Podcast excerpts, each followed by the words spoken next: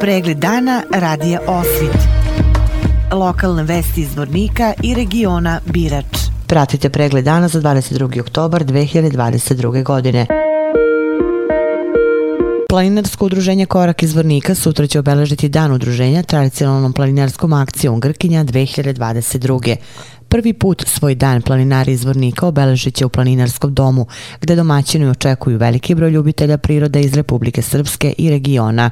Podom dana udruženja bit će otvorena i nova staza dužine 13 km koju će planinari preći, nakon čega će uslediti ručak za sve učesnike tradicionalni planinarski pasulj. Biće otkrivena i spomen ploča poginulim borcima u odbrambeno-otačbinskom ratu, kao i poginulom soluncu iz Liješnja, koji je život izgubio u ratu od 1914. do 1918. godine, a otkrivanju spomen ploče prisustovaće članovi porodica. Stari školski objekat u Zvorničkom naselju Liješem predat je na privremeno korištenje i upravljanje Planinarskom ekološkom udruženju Korak i Planinarskom društvu Mladosti iz Zvornika, koji ga koriste kao planinarski dom. Osim zaljubljenika u prirodu i planinu Grkinju i Udrč, planinarski dom mogu da koriste i sportisti, ali i učenici radi nastave u prirodi. U Zvorniku će u ponedeljak 24. oktobra početi sistematska preventivna deratizacija sa ciljem sprečavanja pojave i širenja zaraznih bolesti.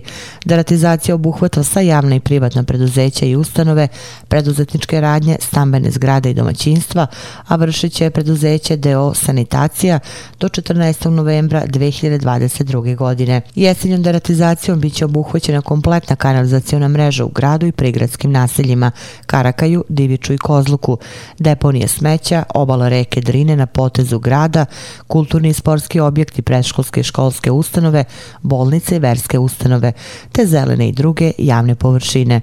Svi građani organizacije, privredni subjekti i ustanove dužni su da omoguće pristup objektima i površinama na kojima je neophodno izvršiti deratizaciju.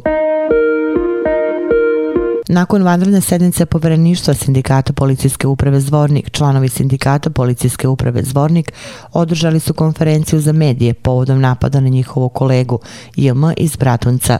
Predsjednik ove organizacije Dragan Šakotić rekao je da od suda traže da izrekne najstrože kazne zbog napada na pripadnika policije iz Bratunca, jer je to napad i na državu.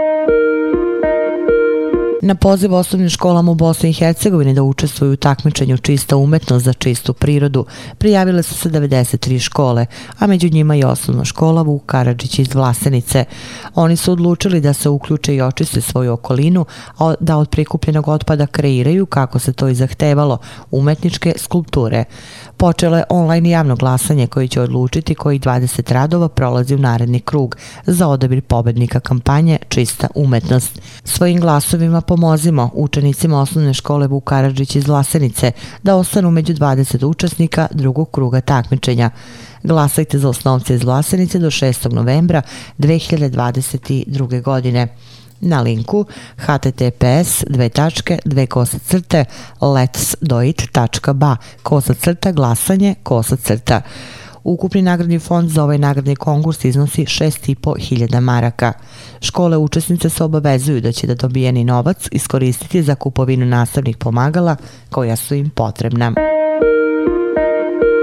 Vesti iz Loznice. Kod spomenika podignutog u spomen na stradale meštane Krivajice u drugom svetskom ratu sutra će biti održan komemorativni skup i obeležena 81 godina od nacističkog zlodela u Jadarskom kraju. Opširni na sajtu lozničkenovosti.com. Pratili ste pregled dana za 22. oktobar 2022. godine. Hvala na pažnji.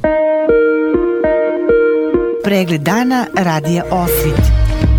Lokalne vesti iz Vornika i regiona Birač.